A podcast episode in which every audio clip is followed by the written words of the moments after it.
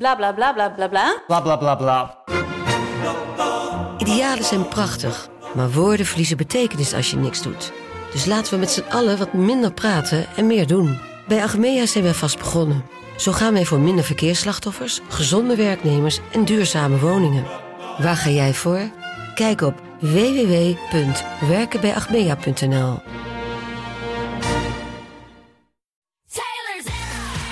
komen we toch bij het idee dat Taylor Swift gewoon een meisje met een gitaar is? Ja, dat klopt natuurlijk niet. Er zit een heel team achter, plus een familie die heel veel geld in haar carrière heeft geïnvesteerd. Maar wie zijn die mensen en waarom horen we zo weinig over ze? Heb jij ook altijd al willen weten wie Tree Payne is en waarom Jack Antonoff zo belangrijk is voor Taylor's carrière? In Taylor's era duiken we erin en leggen we het je uit. Wie zijn de mensen rondom Taylor Swift en hoe belangrijk zijn ze eigenlijk? Luister nu naar Taylor's era op Podimo en Spotify.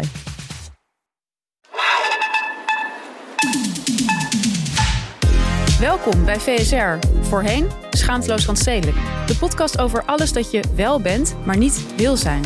Mijn naam is Doortje Smithuizen. Tegenover mij zit eigenlijk de enige constante factor in mijn leven, Perre van den Brink. En zoals iedere week houden we onze luisteraar een spiegel voor... en onderzoeken we de paradoxale relaties met de systemen om ons heen. Ja, het is extreem verslavend, maak je zelden tot nooit een leuker mens en zorgt voor meedogenloze industrie. Dave Chappelle zei het al, cocaine is a hell of a drug. En toch lijken we als nooit tevoren te snuiven. Reden genoeg om het over coke te hebben. Hoe staat het met ons kookgebruik? Moeten we snuifschaamte hebben? En kan coke niet beter gelegaliseerd worden? Is dat überhaupt mogelijk? Enorm veel vragen die we allemaal gaan proberen te beantwoorden. Ja. Maar eerst de actualiteit.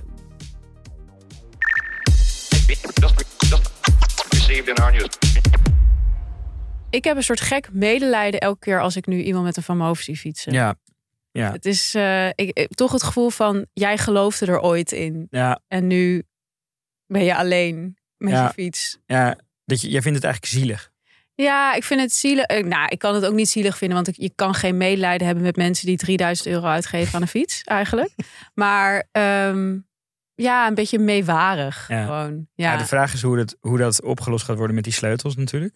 Dus of, of, of het faillissement, want daar hebben we het over. ja, Eh, de kogel is door de kerk. Zojuist op deze opnamedag is bekend geworden dat er een interne e-mail is gelekt. ja.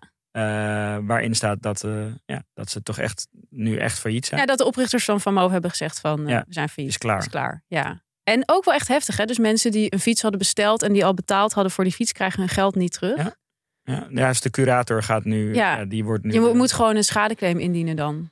Ja, maar dat is, ga maar achter in de rij staan. En wij gaan ook nu meteen zeggen in deze podcast, er wordt geboord. Er wordt enorm veel geboord. We proberen om het boren heen te praten, maar het lukt gewoon niet. Dus af en toe ga je een boormachine horen. Dat, eh, Dat is altijd zo mooi, mooi van curators bij een faillissement. Wie, wie denk je dat de eerste die betaald is? De curator zelf? Ja. Leuk beroep, curator. En dan de Belastingdienst en dan de bank en dan De consument. ja. en dan heb je nog de leveranciers die veel grotere vorderingen open hebben staan. Dus die consument. Maar dit bedoel ik. Gewoon die mensen op Van Moos, die, die staan symbool voor een soort geloof in een eh, merk. democratie. Ja, nou in een merk dat dingen verkocht als Turbo Booster en Ja. King of the Road-achtige slogans had. En die zijn nu soort van alleen met die fiets. Ja, je ziet mensen ook op social media, zie je mensen ook echt genieten van dit faillissement. Ja, dat Dus- vind ik dus ook een beetje flauw. Ja, er is een soort van tweestrijd gaan. En het is voor ons ook, wat gaan wij doen? Weet je wel, wij hebben dat van Moof geluid in onze intro. ik denk dat dat alleen maar eh, eh, meer soort waarde krijgt. Ja, Dat jij dacht dat het- retro. dat het cultwaarde Ja. Ik weet niet of dat zo snel gaat. Ja, het wordt wel een sign of the times wat dat betreft. Het is sowieso een sign of the times. Ja, het lijkt misschien, misschien is dit ook wel een soort tijdperk. Wat, hè, we, hebben, we, hebben, we komen uit de, uit de teloorgang van al die digitale media uit de jaren tien. ja. Dit is voor mijn gevoel ook een, een icoon uit de jaren tien. Ook die is nu eh, klaar. Is dit het begin van een nieuw tijdperk? Het voor en na van mijn hoofdtijdperk. Nee, gewoon het voor en na. eh, Zeg, zeg maar, ik weet niet. Het staat wel symbool voor een bepaalde eh, tijd. Ook Ja, het soort einde aan een bepaald soort opportunisme of zo. Precies. Ja, nee, dat ben ik wel. Oneindige ehm, eh, investeringen die worden gedaan in allemaal niet viable Ja. producten. En nu zullen we de Van Moos in het straatbeeld zo langzaam zien uitdunnen. Ja, Dat er uiteindelijk nog maar één eenzame Van Moof is. En, die, en- Bij de AFAK. ja, en, dat, en dat, die, dat, die, dat het geluid dus geen irritatie meer bij mensen opwekt. Nee, maar een soort nostalgie. Rest in peace. Vertel, vertel over je Salomon schoen. Ik ben ehm, heel excited deze week. Ja, ik heb een, ik heb een, ehm, een jaar geleden. Ik, ik werk eh, eh, met Dekmantel samen. Eh, en ik heb hun nou, een jaar of anderhalf geleden of zo geholpen met hun hele missie en visie. En toen hebben we op een gegeven moment de stoute schoenen aangetrokken. Dit was per ongeluk, was niet een punt. Dit was niet per ongeluk, dit was een typische per Nee, het was echt. Ik, ik dacht van, oh ja, dat is best een goeie. Maar ehm, nee, toen, toen heb ik op een gegeven moment geappt naar iemand die ik ken die bij Salomon werkt. Ja, Van, hey, eh, ik zie heel veel Salomons op dekmantel. mhm. Volgens mij passen deze twee merken heel goed bij elkaar. Zullen we niet samen een schoen ontwikkelen? Ik dacht, ja, niet geschoten is altijd mis. Lijkt mij Ja. heel vet om een schoen Ja. te ontwikkelen. En eh, eigenlijk zeiden ze echt vrijwel meteen, ja, is goed. Eh, Ja. Laten we het doen.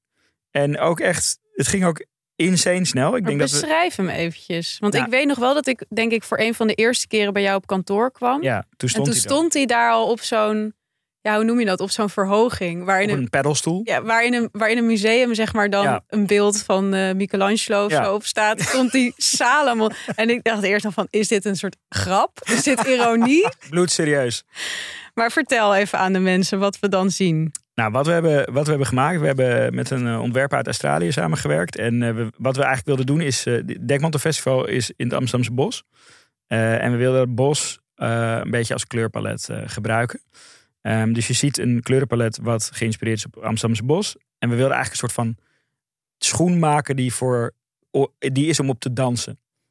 Wat nou de weersomstandigheden zijn, Mhm. eh, welke, wel, welk terrein je ook op bevindt. Of je nou in de modder staat of op de stenen, in het water. Je kan met deze schoen gewoon door blijven dansen. Ja, dit was echt mega leuk om te maken. Ja. Sowieso vind ik het altijd extra leuk om een fysiek product eh, eh, te maken. Zo ook bij dit project. Ehm, Kunnen de mensen de schoen zelf aan? zeker. Je moet gewoon de, de veters eh, een beetje zo uit elkaar halen en dan kan je hem open ik doen. bedoel, kan je hem kopen? Ja, eh, dat kan ook. Eh, hij is eerst eventjes eh, een weekje mm, eh, exclusief bij Dekmantel op de site te koop. Mhm. En dan hebben we ook nog twee winkels. Eentje in Berlijn, eentje in Londen. Foodstore, dat is een hele coole winkel in Berlijn. En eh Très Bien, ook een hele coole winkel in Londen. Ja, dat is reden aan zich om daar naartoe te gaan. Precies. natuurlijk. Of als je daar woont. We hebben daar ook luisteraars. Eh, daar kun je, hem- kun je hem kopen. En natuurlijk op het festival zelf. Eh, ja, ik, ben, er- ik, ik vind dit gewoon... Dit was echt een van mijn favoriete projecten. van Leuk. En je zit hier ook in het VSR-t-shirt. Precies. Je bent helemaal in een Ik ben eh, helemaal- ik zit- fashion Ik ben eh, terug in een, in een fashion eh, eh, gat gevallen. Ja, daarvoor voor dat t-shirt trouwens. eh, Als, als het goed is, heeft iedereen nu zijn t-shirt Ja. gekregen. Ik heb al een aantal leuke reacties van En luisteraars. wat was het? Een premium service kunnen we wel zeggen. Was lekker, ja, toch? nee, serieus. Doosje met logo. Ja. Was gewoon weer helemaal... Ja. ja. Ja, en eh, volgens mij is het ook helemaal goed gegaan qua logistiek. Iedereen heeft het juiste shirt gekregen. Ja, Ehm, en ik wil ook daarvoor de mensen van Droplet, eh, waar we eh, mee hebben samengewerkt voor de productie, even bedanken. Ehm, en ik hoop dat iedereen heel blij met het shirt is. ja, stuur eens een leuke foto van Doe dat, jezelf. inderdaad. Een VSR-shirt. Ehm, ik ben heel erg gefascineerd door eh, Jonah Hill. En dan Mhm. meer specifiek door de appjes die hij naar zijn ex-vriendin heeft gestuurd. Ja, Hij had- waarvan we allemaal hebben. die we allemaal hebben gelezen. Ja. Hij had een tijdje een relatie met een, met een surfer. Mhm. Een eh, professioneel surfer. Ja. Eh, van een jaar of 25. Dat is, dat is een jaar uit. En inmiddels heeft hij een kind met iemand anders. Ik dacht gewoon, wow, die Jonah Hill is Dat ook... kan eh, snel gaan. ja, de, die, die leeft lekker snel door. Prima. Maar goed, wat er dus is gebeurd, is dat die ex van hem, dat, die surfer dus, die heeft dus zijn appjes die hij naar haar stuurde in het begin van hun relatie, Mhm. nu gedeeld op Ja. sociale media. Ze zegt er niet bij dat het Jonah Hill is, maar ze zegt zo van, als een man je zo, zo benadert. Zegt ze weet- dat er niet bij? Nee, maar het is heel duidelijk dat het om hem gaat. Ja. Weet dat dit een red flag is, bla bla. En wat hij dan appt, is dus kennelijk aan het begin van dat ze aan het daten waren, is dat ze zei, of dat hij zei: ehm, Ik wil niet dat je foto's van jezelf in bikini meer op sociale media zet. Mhm. Best wel lastig als je surfer bent. Ja. Eh, ik wil niet meer dat je omgaat met meiden met wie je vroeger zeg maar ging partyen, want die zijn dan een slechte energie. En hij, hij verkocht eigenlijk al dat soort best wel ja, beperkende eh, Maatregelen. ja, maatregelen eigenlijk. IS-achtige maatregelen. Ja, totaal als een soort dat hij zei: ja, dit zijn mijn boundaries. Ja. En ik geef nu mijn grenzen. Dus ik geef Ja. nu gewoon even mijn grenzen aan. En dit is, dit is het punt wat iedereen maakt, toch? Dat hij therapy speak misbruikt. Ja, het zijn eigenlijk twee dingen. Ehm, enerzijds is het dus dat, dat hij gewoon heel onderdrukkend eigenlijk eh, is naar haar. Mhm. En dat het als een soort van casual eh, van dit zijn even wat dingetjes die ik niet fijn vind. Dat eigenlijk best wel grote dingen zijn. Ik bedoel, je kan zeggen wat maakt het uit om geen bikini foto's te delen. Maar eigenlijk is dat best wel veel gevraagd. Zeker als je surfer bent. En überhaupt, waarom Volgens zou je mij daar was zo... haar profiel voor die tijd gewoon exclusief bikinifoto. Ja, maar ja, dan, dan moet je daar ook mee dat is leven, ook een beetje Ja. haar baan. Ja, precies.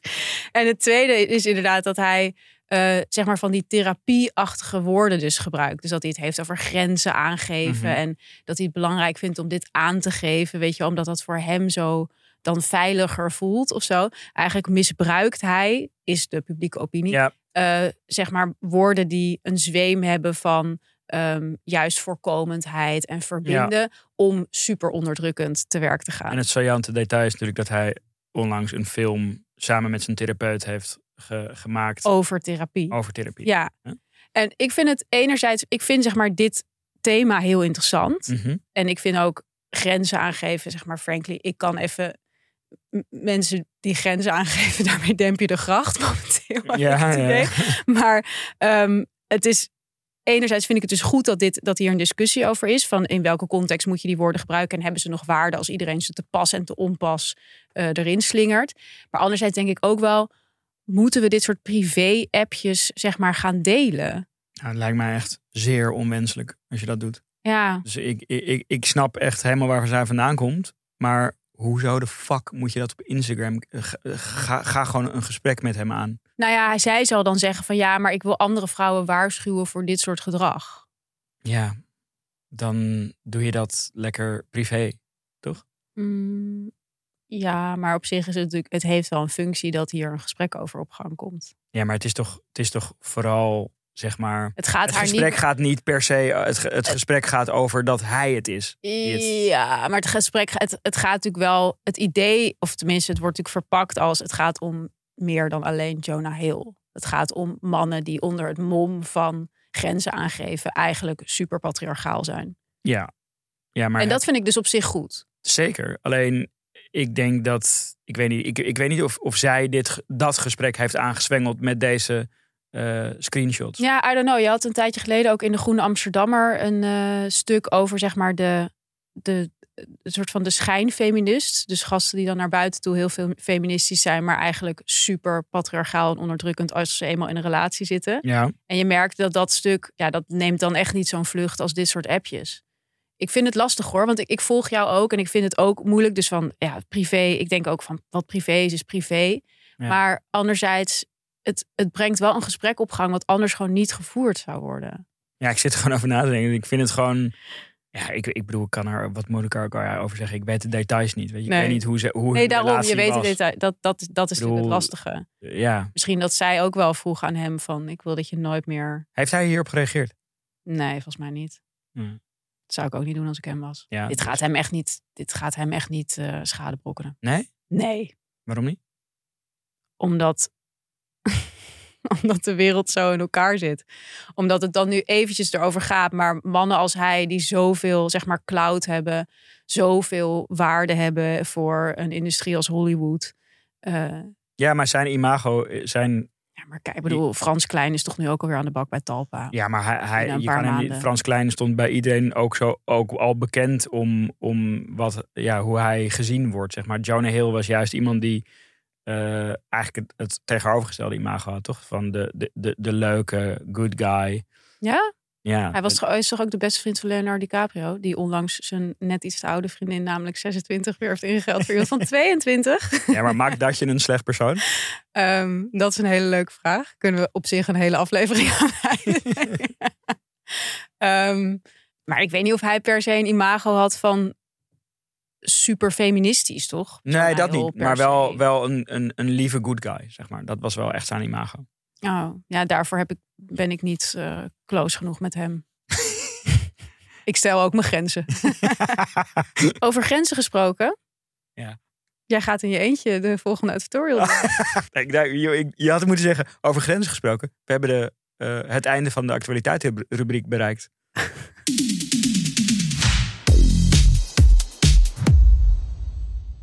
Ja, we hebben een nieuwe sponsor. En dat is namelijk de Matthias Kwaaddekker Smederij. Daar kan je handgemaakte keukenmessen Mhm. laten maken door een professionele smid, Ik weet hier alles van. namelijk Matthias zelf. Eh, dat is in Rotterdam. En Perre, Ik ben er geweest. jij bent er geweest, vertel. Weet je nog dat ik ehm, in een van de eerste afleveringen de ultieme cadeauformule uitlegde? Natuurlijk weet ik dat nog, dat weten we allemaal. Wat is de formule dan? Eh, dat, je, dat je iets koopt wat je veel gebruikt, Ja. maar wat kut is om veel geld aan uit te geven. Dus geef je dat aan En waarvan het fijn is om de premium versie. Ja. Ja, ja. iets toe in je leven. Super dat je het nog weet. Tuurlijk. Dit is echt, past zo goed binnen deze formule. Ja? Ja, dit, is, dit is echt een heel goed cadeau om aan iemand ehm, eh, te geven. Je gaat dus daar naartoe. In dat geval zou je degene aan wie het cadeau ge- geeft wel moeten meenemen. Ja, want het is heel persoonlijk, toch? Ja, je gaat gewoon bij. Je komt in zijn ehm, eh, ja, smederij eigenlijk in Rotterdam. En eh, je gaat gewoon eigenlijk gewoon koffie drinken, een beetje lullen. Ik heb er volgens mij echt iets van een uur en drie kwartier gezeten of zo. Ik weet, ik weet niet meer waar we het allemaal over hebben gehad, maar echt over, Over veel. messen waarschijnlijk. Nee, niet eens, Oh. bijna niet over messen. Gewoon meer over gewoon echt van alles. En op een gegeven moment pakt hij er gewoon eh, een paar eh eh, ehm, eh, lemons bij. Eh, je gaat een beetje naar, naar, naar hout kijken, weet ik veel wat. Mhm. En eh, eh, dan zegt hij op een gegeven moment, nou, dan weet hij eigenlijk genoeg. Ik dacht van tevoren dat hij hem dan ook ter plekke zou maken. Maar hij neemt daar, dat Oké. kost heel veel tijd. Ja, Eh, dus dan gaat hij hem maken. En dan krijg je hem daarna opgestuurd. Is gewoon jouw super persoonlijke mes. Eh, heel scherp. Eh, heel mooi. Ehm, ja, ik kan, ik kan niet anders zeggen dat, dat, dat, dat dit het ultieme cadeau is. ja, en het is mega, het is inderdaad mega persoonlijk. Want jij had wel tijd om langs te gaan, ik had geen tijd om langs te gaan. Mhm. En daarom kreeg ik ook geen mes. Nee. Dus. Matthias is ook is gewoon heel Hij is, rechtlijnig. hij is consequent. Vind ik goed, want Ja. hij staat voor zijn product. Ja. In de maanden juli en augustus kan je met de code SCHARA 5% korting krijgen op de messen. Ga daarvoor naar de link in onze beschrijving. Hoofdletter S, hoofdletter R.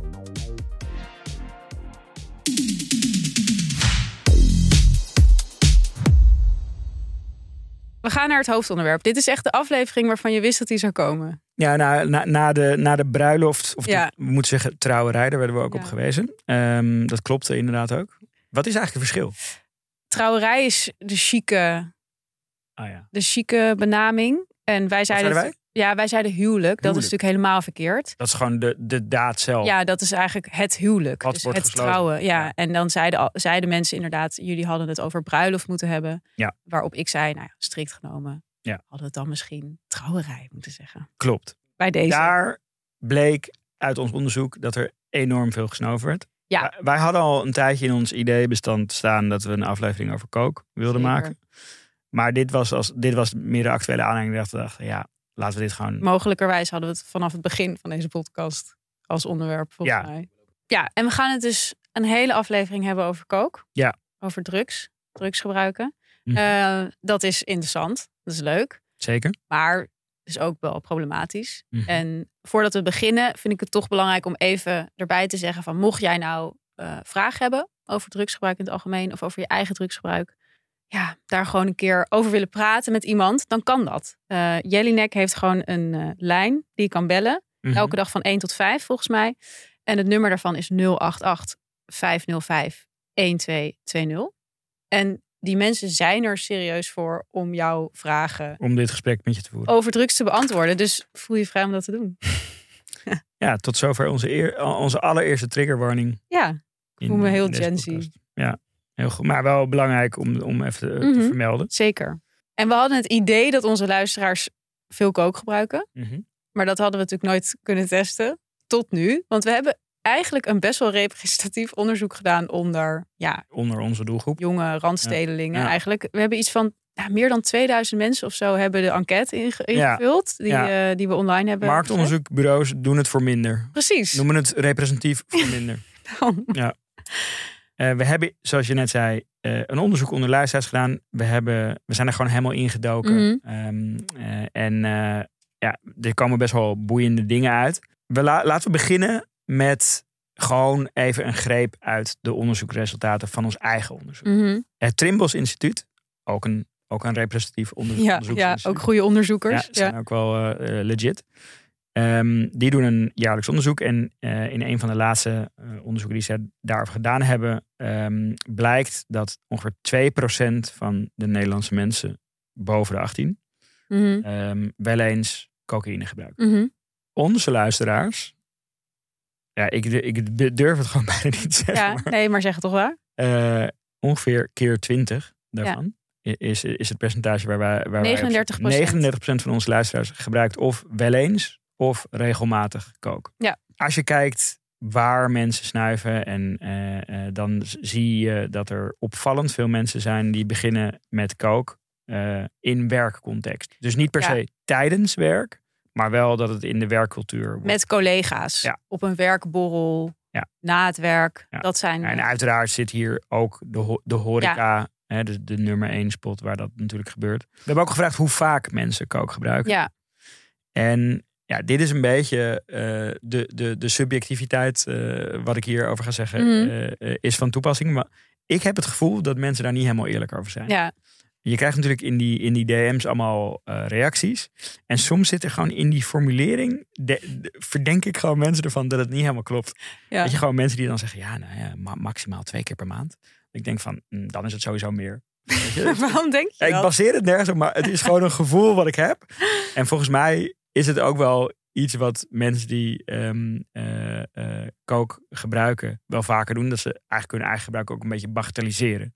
Nou, dat was, daarvan. dat was grappig dat wij... Wij hebben dus ook, er komen later op gevraagd van heb je snuifschaamte? Mhm. En veel mensen vatten dat op als schaam ik me zeg maar voordat ik snuif of durf ik het gewoon in het openbaar te doen. Terwijl wij bedoelden van ben je bezig met de maatschappelijke gevolgen? ja. De- de- Dat, en zij, dat... dat, zei iets over hoe het leeft. ja, precies. ja, precies. Ja, Dus dit is dus niet een wetenschappelijke conclusie, maar ik had wel het gevoel dat, het, dat er soms, ja, dat het niet helemaal klopt. is dat niet met elke vorm van drugs denk, en drank? denk het misschien Ja. Maar voor mijn gevoel is kook dan wel echt de ultieme druk waar mensen Zich een beetje voor generen. ja, je, dat je het toch niet, omdat mensen het redelijk frequent gebruiken, de meeste mensen die dat Ja. doen. Ehm, ja, dat, dat, dat, dat, dat ze daar eigenlijk ehm, iets het naar beneden af. Mm, het zou kunnen, ja. Nou, waarom gebruiken mensen cocaïne? Ja. Hele Eigenlijk de mooie, consensus. diepe vraag Ja. gesteld. Ja. Bijna iedereen zegt, ik gebruik cocaïne om te ontnuchteren. Ja. Dus tussen aanhalingstekens. En sommige mensen gebruiken ook daadwerkelijk die aanhalingstekens, anderen niet. Kunnen we ook Ja. nog op afstuderen. Precies. Ja. Ja, en dat is wel echt, de, de consensus is echt dat mensen het gebruiken om te, om Door te corrigeren dat ze zat zijn. Ja, en eigenlijk. door te kunnen gaan, toch? Gewoon Ja. het gezellig. Maar ik vond dus ook de opmerking... ik gebruik het voor de leuke gesprekken. Dat vond ik een eh, honorable mention. Ja, Of ik gebruik het voor mijn zelfvertrouwen. ja dat snap ik nog wel. Ja, en ook een, een, eh, een paar reacties van eh, jonge ouders. Die, die zeiden dat ze het gebruiken om eigenlijk even die rol van ouder zijn even los te laten. En weer een soort van Ja. stout te zijn. Dat snap ik dan ook nog wel. Maar ik vond zelf die leuke gesprekken... ik heb echt nog nooit een leuk Nee. gesprek gehoord aan de kook. Ik denk wel dat als je het gesprek hebt, voelt het extreem urgent. Ja, ja. Ehm, maar als je het gesprek observeert als niet Niet- snuivende participant, dan Is het niet echt een goed gesprek. vaak medium. Nee. Ja. Sommige mensen zeiden ook, het is spannend om iets te doen wat niet mag. Volgens Ja. mij is dat ook. Dat, dat, Heel belangrijk. Daar komen we later ook nog Ja. op terug. ja. Toen hebben we gevraagd, waar gebruiken jullie cocaïne? Eh, eigenlijk één luisteraar had het beste antwoord. Overal waar alcohol is, Ja. is kook. Ja. Eh, dat bleek ook uit andere gesprekken met experts eh, die we voeren. Die, die ook bij, bijvoorbeeld bij het legaliseringsvraagstuk zeggen. Mhm. Ja, het lastige is, als je, dan, wat doe je met alcohol? Want waar alcohol is, is kook. Ja. Eén iemand eh, zei dat hij iedere keer dat ik premium zei, Ja. een lijntje snuift. Ik vraag me heel erg af hoe het met die persoon gaat. Ja, ik adviseer die persoon om niet naar onze miniserie op Ja. Podimo te luisteren. Die heet namelijk Alles Premium. Alles En het gaat over alles wat premium is of zou moeten worden. En we hebben het daar ook wel eens over drugs. Over paddendruppels Precies. bijvoorbeeld. Dus dat ja. is, eh, dit is niet een verstandige keuze voor deze persoon. Ja, en deze week ehm, in eh, VSR Alles Premium hebben we dan een soort compensatieaflevering. Omdat we natuurlijk de volgende, vorige keer hebben we onwijs vuige aflevering gemaakt over sextoys en, eh en eh, Bij mij paddendruppels. Ja, nou jij had dan een handlezer. Vond ik ook, vond ik ook out of the box. Ja, maar voor ja, jou is ook out of the box. Ja. Eh, en dan hebben we deze keer een aflevering waarin we het veel meer ook over boeken hebben. Ik tip mijn allermeest favoriete of all-time boek. En wie wil dat nou niet nee, weten? zie jou al helemaal opveren. Eindelijk, flabbergasted. eindelijk gaat ze het delen. Ja. Nou, mocht je dat nou ook zo graag als perre willen weten, ehm, dan kan je nu twee maanden gratis Podimo krijgen via de link in onze show notes. VSR Premium, ik wil al die premium dingen. Die premium dingen. We waren gebleven bij waar mensen cocaïne gebruiken. Als, je, als je alle antwoorden op een rijtje zet, dan ehm, is er toch wel een, een, een, een lichte voorkeur voor thuissituaties. Thuis, ja. Dat vond ik ook opvallend. Ja, dus, dus mensen vinden het toch prettig om dat thuis te gebruiken. Ik denk dat dat misschien met discretie te maken heeft. Mhm. Ehm, terwijl de druk zelf, ja, je kunt je afvragen of, nou, maar ja, misschien is hij ook wel geschikt voor thuis. Ik weet het niet.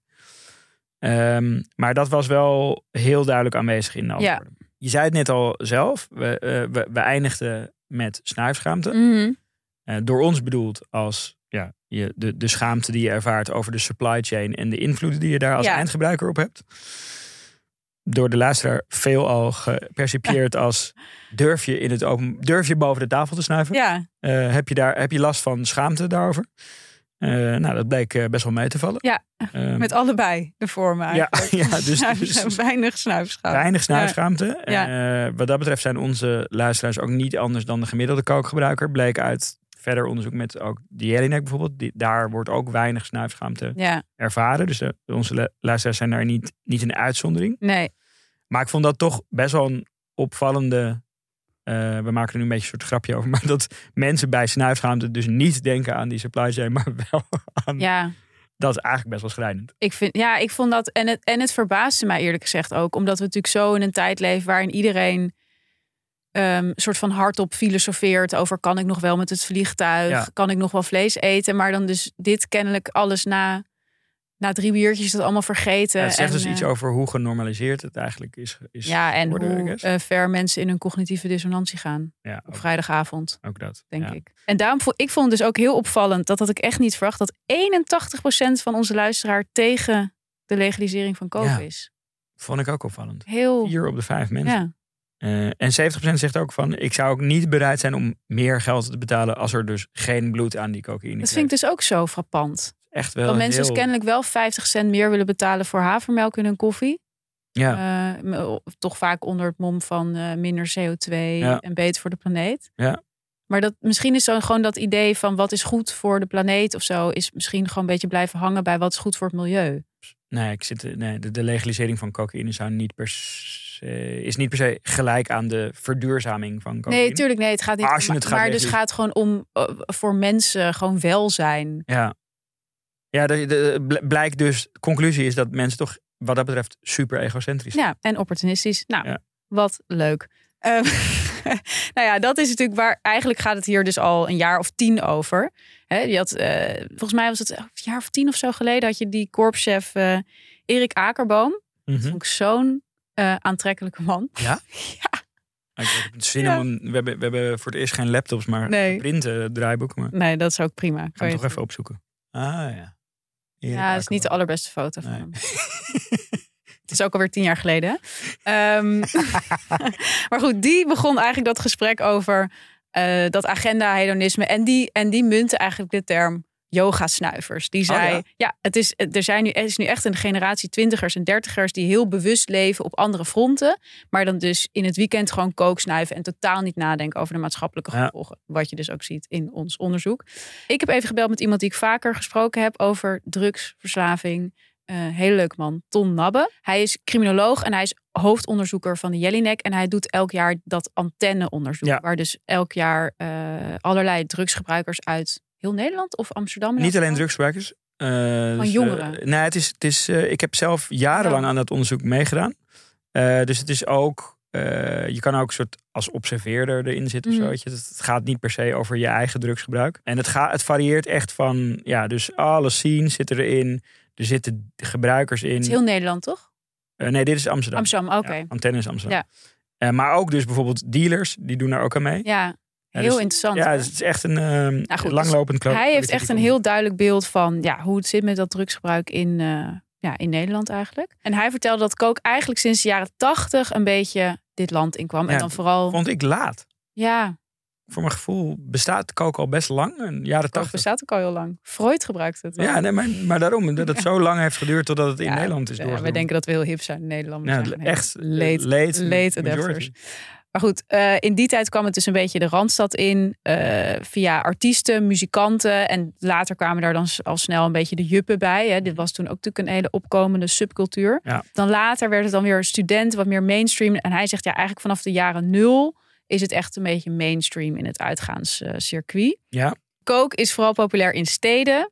Amsterdam, Rotterdam in Nederland, dat zijn de plekken waar het meeste coke wordt gebruikt eh, gemiddeld. En dat komt vooral omdat mensen daar dus ook vooral op ja, onregelmatige tijden werken. eh, veel horeca, eh, laat, weet je wel. Maar natuurlijk ook die advocatuur. Hè, dat is natuurlijk dat cliché dat die eh Zuidas, dat daar zoveel gesnoven wordt. Volgens Ton viel dat overigens wel mee. Ja, ik heb daar ook nog in de, in de DM's best wel veel Mhm. luisteraars die Ja? specifiek daaraan refereren van dat dat, dat, dat op de Zuidas ook Niet waar is. Nee, dat Ja, dat, dat, Niet eh, per se meer dan in andere gebieden nee. of zo. Ja, nee, dat Zou dit ook de reden zijn dat dus in gebieden eh, zoals Volendam en dat, dat, soort, dat soort dorpen waar ook buitenproportioneel veel Ja. kook gebruikt wordt, heeft dat dan ook direct te maken met dat type werk wat ze doen? Omdat het gewoon buffelen is, toch gewoon vis, Nou, dat zei- visserij en Dat zo? zei Ton dus. Dat, dat hij doet bijvoorbeeld ook onderzoek naar Spakenburg. Daar heeft Mhm. hij net een eh, boek over gepubliceerd. Ja. Dat daar wordt dus onwijs veel kook gebruikt. Ja. Omdat ze daar dus inderdaad hele nachten door moeten werken. Ja. Met dat, eh, Gewoon keihard werken. dat visfileren en zo. Maar daar denk, je, daar denk je toch niet zo over na. Als je aan, aan kook denkt of zo. Tenminste, ik niet zo snel. Nee, maar het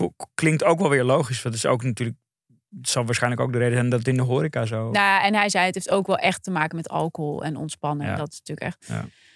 Nou, als je dan kijkt naar dat kookgebruik, is het natuurlijk redelijk moeilijk te meten. Maar het werd wel duidelijk. De Economist heeft eh, onlangs een hele grote en hele goede, vond ik, een productie gehad over kook. En Ja. de gevolgen ervan. En eh, daar werd wel duidelijk dat eh, de, ja, het, het, hoe noem je dat? Het verbouwen van kook, de kookproductie, Mhm. die gaat eigenlijk eh, enorm omhoog.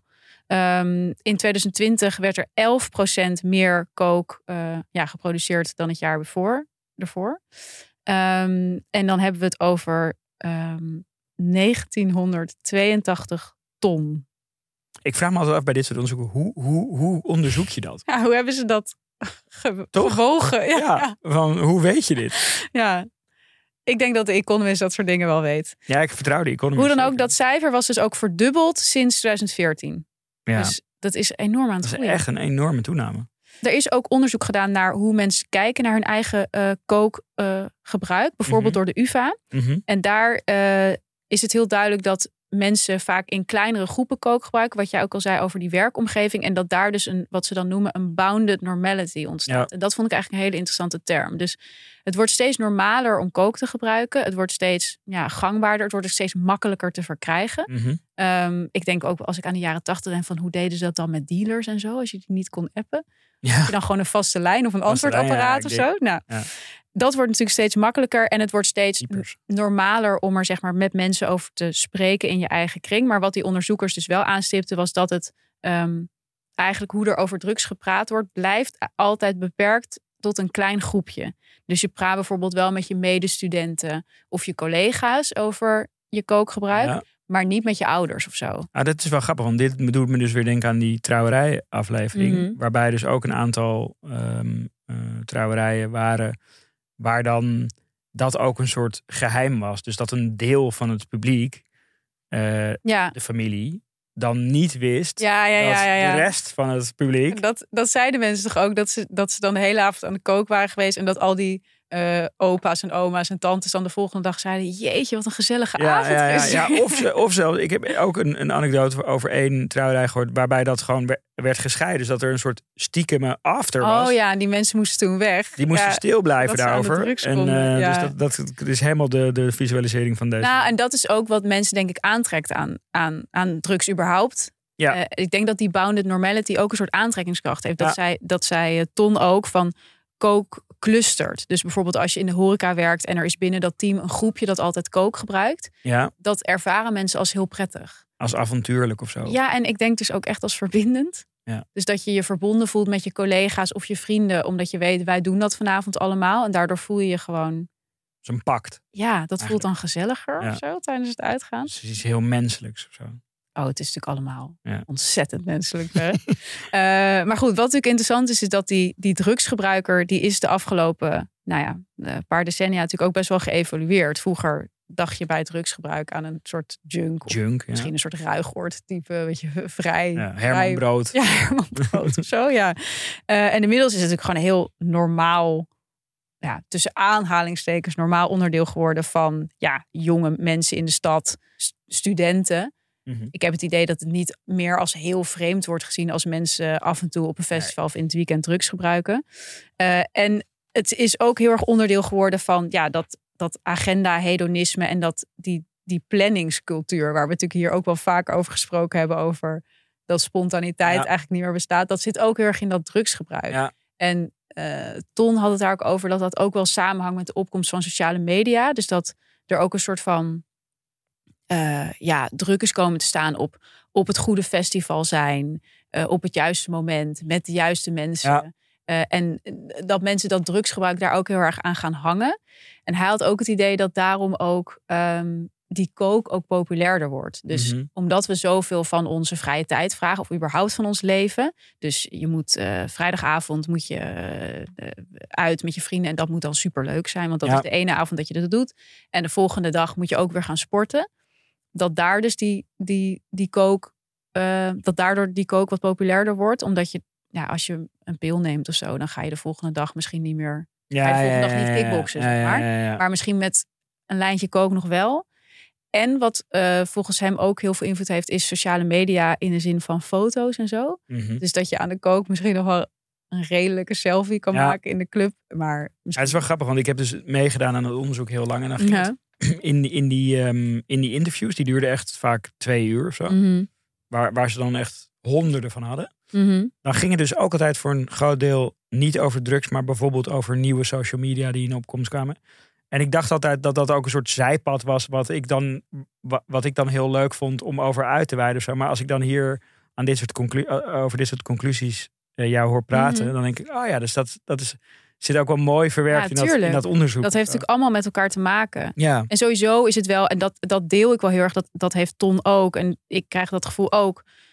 Ik vind dat er een soort hele nihilistische kant zit aan dat drugsgebruik. Dus mensen, hè, wat mensen ook zeggen van ik doe het om even te ontsnappen of om even te ontstressen of zo. Dat ik ook denk, ja, als je daar die drugs voor nodig hebt of zo, is dat, gaat dat dan wel helemaal goed?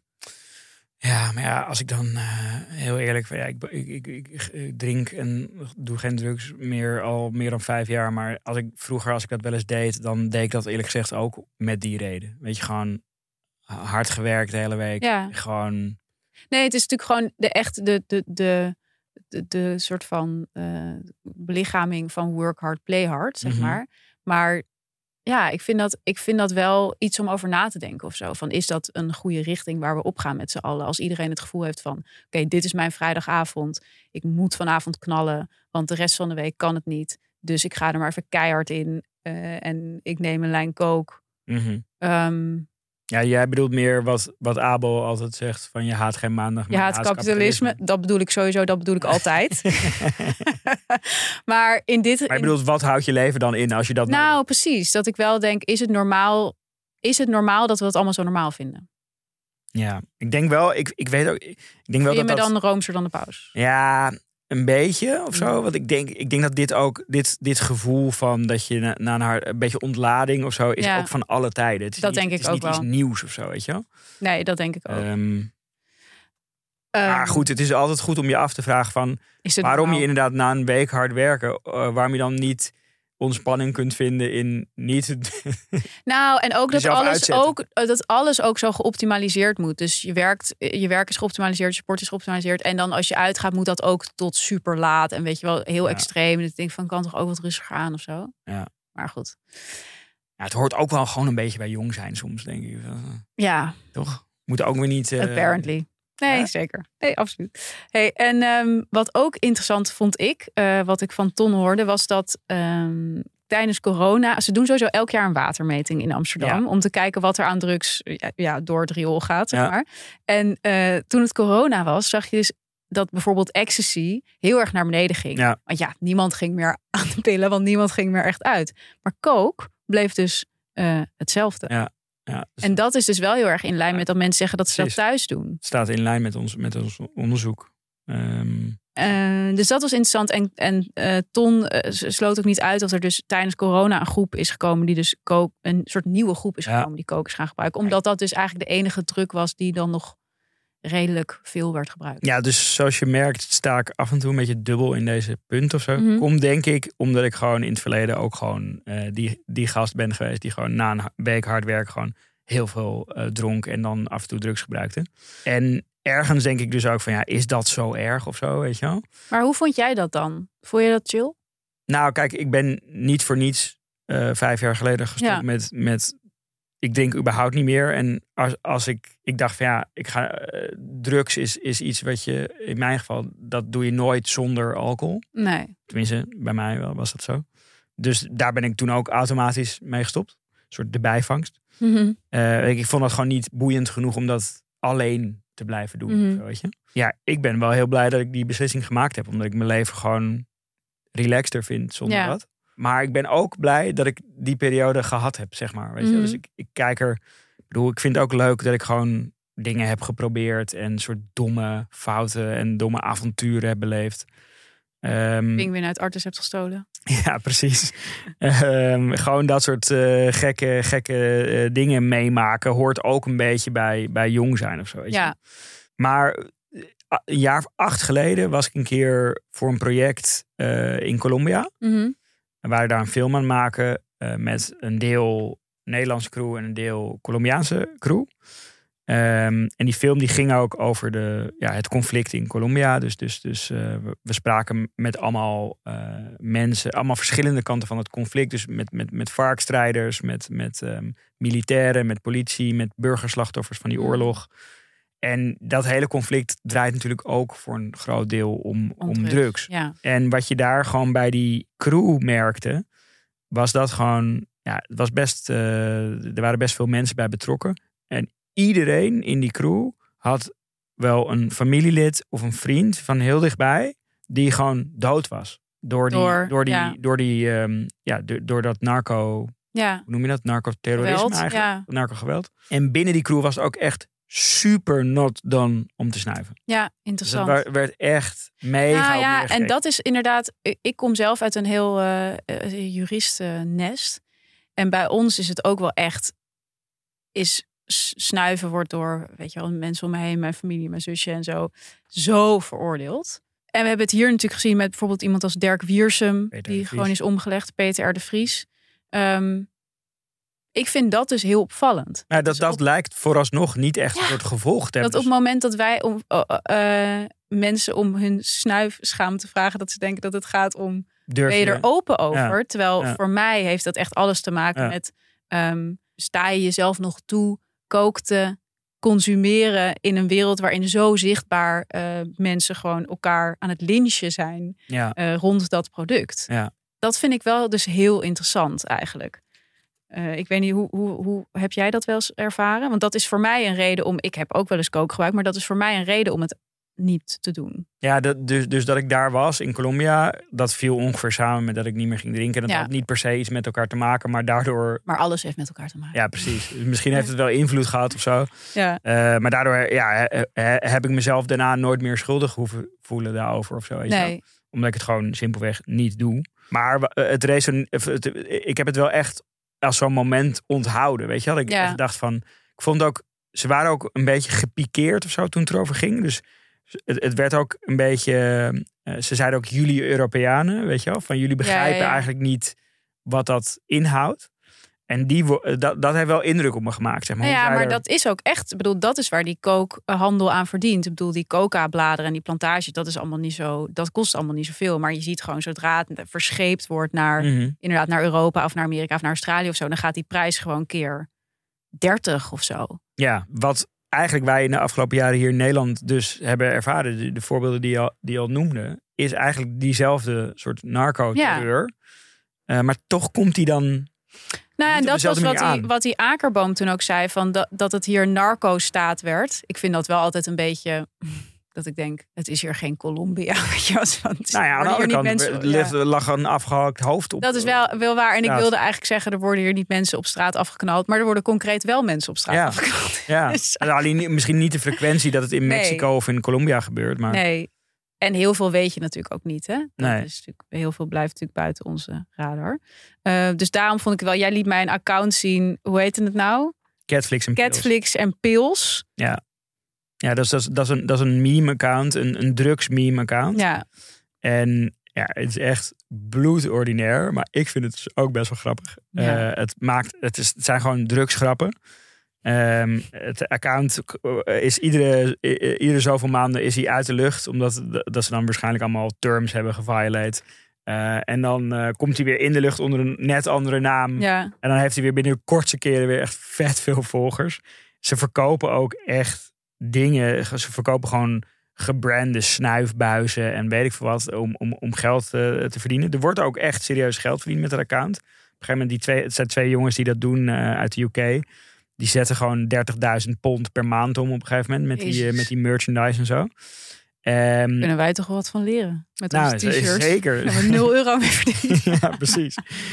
En zij proberen nu ook, zoals het echte creators betaamt, eh, hun publiek eigenlijk te migreren naar een, eigen, naar een eigen platform. Waar ze naar eigen zeggen ook aan bewustwording rondom eh, ehm, eh, drugsgebruik willen gaan doen. Ze zeggen, we we're not just a sash page anymore. Sash is dan zeg maar de, het woord wat ze gebruiken voor een avond drugsgebruik is een sash. Is dat wat sash betekent? Ja, is- Ik heb me dat zo lang afgevraagd. Want dat hoor je altijd in van die, Session. ja, van die Engelse podcasts. Hoor je mensen altijd zeggen, she loves the sash.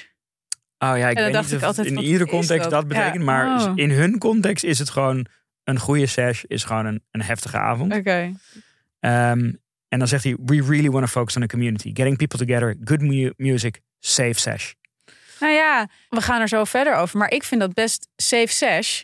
Ik safe best is top, Ja. is top. Maar aan de andere kant, als je gewoon die memes allemaal onder elkaar zet, het, het, het, het staat ook een beetje lijnrecht tegenover elkaar. Want het is gewoon lachen, gieren, brullen over hoe normaal het is dat iedereen drugs gebruikt. En lachen over die vriend die altijd dit doet. Of die Ja. vriendin die altijd dat doet. En dan aan de andere kant zeggen dat je, dat je het doet voor bewustwording. En wel snuifbuizen verkopen. Ik weet het niet. het is Ehm, dubbel. Ja, maar dus de, en dit soort eh, accounts en, en die soort bredere normalisering van drugsgebruik, die hebben op een gegeven moment binnen de gemeente Amsterdam ook wel toe geleid dat ze zich ook volgens mij uit een beetje een soort wanhoop van ja, laten we dan maar de, de eindgebruiker proberen aan te spreken. Ja, Eh, bij gebrek aan snuifschaamte laten we de snuifschaamte eigenlijk aan gaan ze pushen. Ja. Ehm, Hoe ging dat nummer ook weer? kook moet gepusht worden. Ja. Maar de gemeente zegt eigenlijk kookschaamte moet gepusht worden. Ja. En dat hebben ze toen met ook campagnes gedaan. Ook onder andere op, ehm, op Vice zijn toen advertorials geweest. Mhm. Die eigenlijk direct de eindgebruiker aanspraken op... Je hebt gewoon bloed aan je handen als je Ja. dit doet. Wat Ehm, vind jij daarvan? Ja, ik weet het niet. Ik vind het denk ik... Ik ben er dus heel dubbel in. Ja, ik vind het enerzijds goed, maar ik ben natuurlijk ook heel erg tegen zeg maar, dat consumentenactivisme. Dus dat idee dat jij zeg maar, met jouw consumentenkeuzes verantwoordelijk bent voor de staat van de wereld. Zeg maar. Ik vind dat. Ja, maar dat, vind ik geen, dat moet geen vrijbrief worden. Dus ik vind het... Nee, ik dus vind ik vind het. Als jij, een, een, eh, als jij drie maten op Zalando bestelt waarvan je van tevoren weet dat je er twee gaat terugsturen Ja. omdat je gewoon gaat passen, dan vind ik best dat je daar mag aangesproken worden. Ja. Vind ik niet Niemand dat heeft dat de schuld maten. van het kapitalisme alleen maar is of zo. Weet je? Nee, dat is ook zo. Maar dat ben ik met je eens. Maar het zit natuurlijk heel erg in dat systeem dat eh, de consument wordt aangesproken op zijn gedrag. En dat er een soort van keuzevrijheid wordt ge- gecreëerd. Zo van, je kan ook havermelk kopen en dan doe je het wel goed voor het milieu of zo. Weet je wel? Het idee dat je het systeem kan afkopen. En dat zit natuurlijk ook een beetje in het, in het aanspreken van die eindgebruiker of zo. Ja. Eindgebruiker. Ja, maar ze, ze proberen je natuurlijk niet te converteren naar iemand die biologische kook koopt. Nee. Want dat alternatief is er nog niet. Dus ze willen gewoon dat je Ja. stopt met kook gebruiken. Ja, we gaan het zo hebben over dat alternatief en eh, of het eh, zou kunnen werken. Maar eerst gaan we echt naar, nou, zo'n eh, Relevant sponsor. brave nieuwe sponsor. Daar kan, je, daar kan echt helemaal niks mis mee zijn. Nee.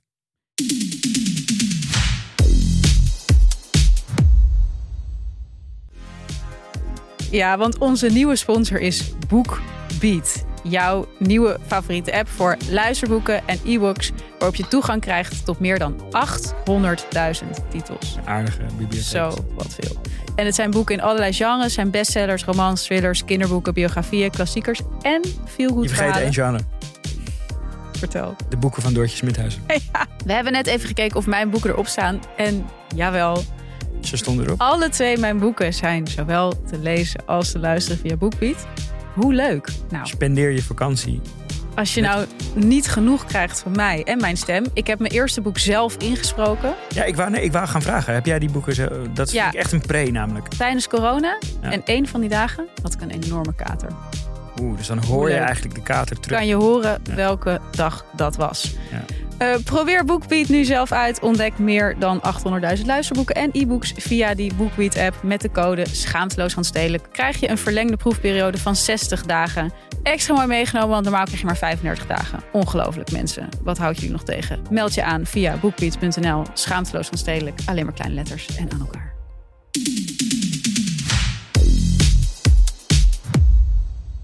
Oké, we gaan het hebben over het hete hangijzer van deze aflevering. Legaliseren van kook. Ja, The Economist. Een titel die ik blind vertrouw. love the economy. Ik heb er een abonnement op genomen. ja, ik, ik heb dat... Kom ik gewoon vooruit. Ik, ik ga de, ik, jij hebt mij dan weer geïnfluenced dat ik dat denk ik ook toch... Ja, jij kan niet achterblijven. Nee. Die hebben een grote productie gepubliceerd eind vorig jaar. Over kook en de gevolgen daarvan.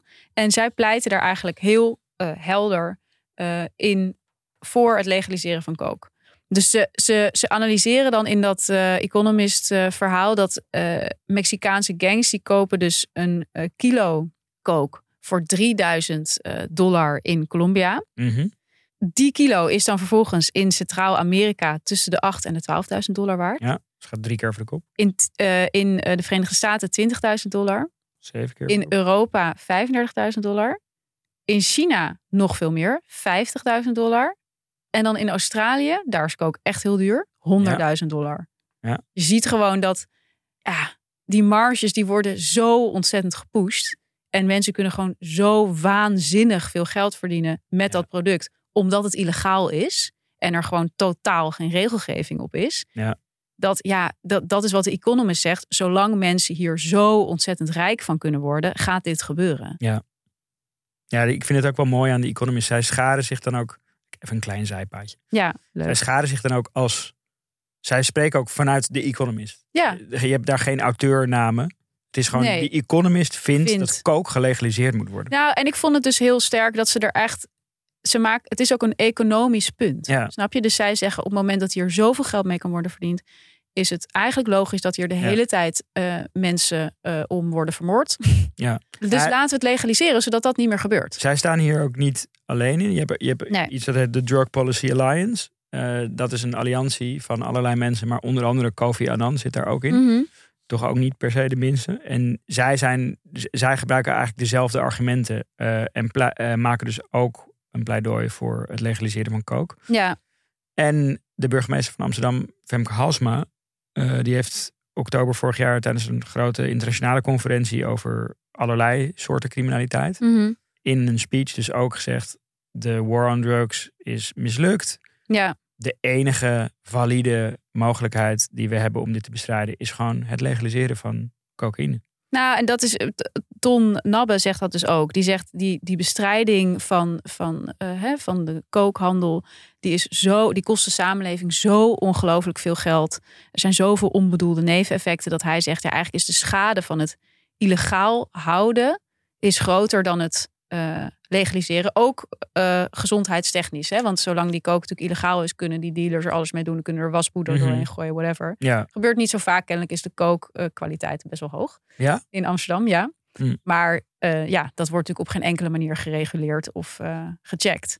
ja als, dus als je dat dan allemaal hoort, dan, Mhm. dan, dan ben, ik, ben ik best wel snel geneigd. Van, ik ben goed van vertrouwen van een Ja. groot deel van deze mensen. Denk ik van, nou, zal wel wat in zitten. Als je gewoon al die research naast elkaar Ja, zet. ik, vond, ja, ik vind het dan dus wel interessant dat onze luisteraars dus niet voor het legaliseren van kook zijn. En ook niet bereid zijn om meer te betalen. Nee, maar dus de, de kennis die je, die je van dat vraagstuk hebt, vond ik, in ieder geval, dan spreek ik voor mezelf. Ja, Toen wij hier indoken, ik wist ook al die dingen niet. Ik wist niet dat de Economist voor eh, de legalisering van cocaïne was. Of dat Kofi Annan een Drug Policy Alliance ik wist ook niet dat Kofi Annan voor de legalisering van kook was. Nee, nee, maar ook niet dat Halsema dat Nee. pleidooi heeft gemaakt. Eh, nou, dat had ik trouwens volgens mij wel Ja, dat- eh, meegekregen. Ja, Maar je, je hebt best wel relatief weinig kennis over dat vraagstuk of zo. Ja, Maar dat, kunt baseren. Maar dat, ik vond het dus wel interessant dat dus onze luisteraars eh, aangaven dat ze niet meer willen betalen voor bijvoorbeeld een Fairtrade Coke. ja. Terwijl dat voor mij, voor, ik bedoel, er zijn meerdere. re- Ik vind Coke ook gewoon, ik vind mensen niet per se leuk worden aan de Coke. En als ik het voor het kiezen heb, kies ik liever voor iets anders. Maar Ja. voor mij is een hele belangrijke reden om eh, liever geen Coke te gebruiken, is ja, dat maatschappelijke neveneffect. Ja. En ik denk op het moment dat er dus eh fair trade coke zou zijn of legale coke, zou dat voor mij een reden zijn om het misschien wel weer eens te gebruiken. Of in elk geval er niet negatief tegenover te staan. Ik denk dat die optie te irre- irreëel voor heel veel mensen voelt. ja, Dus dat je gewoon je voorstellingsvermogen kan het gewoon niet, niet aan. Dat, er, dat er dan een soort apotheek is waar dan hele gezellige. Maar terwijl we hebben dat ook met, eh, met, met marihuana. Ja, nee, maar ik denk ook dat als je 30 jaar voor de legalisering daarvan Ja. eh, dat ze gezegd zou hebben dat, het, dat, het, dat je hetzelfde. Ik zie het helemaal eigenlijk wel voor me. Het is een beetje hetzelfde als als je nu een, een, een, een foto van mensen die roken in het vliegtuig ziet. Ja, Dan denk je echt van holy shit. maar dat- zie dat- jij het niet voor je? Ik zie het juist heel erg voor me. Als, als je denkt aan die, die eh, eh, hash en wiet shop boerenjongens of zo. Weet je wel? Mhm. Dat is echt zo'n chique winkel. Met zo'n hele chique bouncer altijd Ja, voor de deur. ja. Dat zie ik ook wel voor me met coke. Dat dan een beetje zoals... Ja, een beetje zo Juice Brothers-achtig gevoel. of heel clean, weet je wel? Clean en klinisch. Misschien kunnen ze de winkels van Van Moof overnemen. hey, dat is een goed idee. Maar ik, nee, eh, ik, weet je, weet je ik, ik zie dat eigenlijk niet voor me. Nee. En volgens mij komt dat ook omdat coke ook in heel veel populaire cultuur ook een beetje, om jouw woord even te gebruiken weer, gefeticheerd wordt. Mm. Dus in heel veel films en, en clips en nou ja, we hadden het net al over hersenen. Het, het wordt ook een beetje, ja, er is een soort van beeld van rock en roll of zo wat er omheen hangt. Je denkt dat dat weg zou gaan als het gelegaliseerd zou Ik worden? denk het wel. Ik denk, ik denk dat eh, heel, heel veel mensen dat ook juist stiekem best wel interessant vinden. Maar ja, dat coke... Nou, wat, wat we ook zeiden van coke is ook een verbindingsmiddel omdat het niet mag. Ja. Dat je dat, dat, Als denk dat ik helemaal ook. wegvalt, Dat het dan minder leuk dat wordt. je dan met dat, met, dat, met dat groepje drie eh, horeca-collega's stiekem naar de apotheek gaat. Dat dat, die, dat, Denk je? ja, ik weet het niet. Ik vraag me ook, eh, want, want kijk, je hebt natuurlijk het pleidooi van het moet gelegaliseerd worden. En de dingen waar we het net over hadden waren met name een soort economische motieven. Dus gewoon Mhm. heel zwart-wit Ja, beredeneerd van ja, het, het, het kost gewoon veel meer dan ja. dat het oplevert, als het ware. Als je dit echt gaat uitrollen, ja, daar, dat denk ik van, ja, hoe ga je dat in God's name doen? Ik, ik, ik, ehm, de, de mensen die daar ook voor pleiten, dus bijvoorbeeld je hebt zo'n Nederlandse organisatie Fair Trade Coke, ja. ehm, die zien het eigenlijk een beetje voor zich als, nou, coke wordt gelegaliseerd, de handel in coke wordt gereguleerd en uitgevoerd door een NGO die geen eh, winstoogmerk dus heeft. ja. Nou, dat klinkt eh, logisch. Ehm, en dan moet er een balans zijn voor beschikbaarheid, maar niet te beschikbaar. Ja. En daar denk ik al van, oké, wat is dat? Weet je? ja. Wat, wat, zijn de coffeeshops? Beetje zoals Van Moof weer. Ja. Er wel heel veel moeite voor doen. ja, ja. wel een goede balans tussen beschikbaar, maar niet te beschikbaar. Niet te beschikbaar. Ja. Ehm, en zij zeggen dan, ja, verko- verkoop inderdaad via speciale apotheken à la, à la boerenjongens. Die ook een soort voorlichting kunnen geven. Maar ja, ik denk dus, want als je kijk, als jij een gram kook wil in Amsterdam, heb je dat binnen een half uur. Ja, dus, Zo makkelijk te krijgen. ja, Dus ik denk dat. dus die frictie. eh, er moet niet nou ja, ik denk dus niet va- van het, eh, als het gaat om, wordt het dan te makkelijk te verkrijgen of zo. Het is nu toch ook al super makkelijk. Het zou eerder moeilijker worden. Er was een, er was een luisteraar die zei: de Uber Eats doet er doorgaans langer over om bij mijn huis te zijn dan de kookboer. Dus Ja. zeg maar, ik denk, het is nu op en top efficiënt. Ik denk niet dat meer mensen. Ja, goed, dat kan. Het is natuurlijk moeilijk te zeggen. En ik heb net zelf het tegenovergestelde gezegd. Maar ik kan me niet goed voorstellen dat heel veel meer mensen kook gaan gebruiken als het gelegaliseerd wordt en in een winkel te koop. Nee, Omdat het eigenlijk meer gedoe is. nee dat, kan, dat, dat denk ik dus eigenlijk ook niet.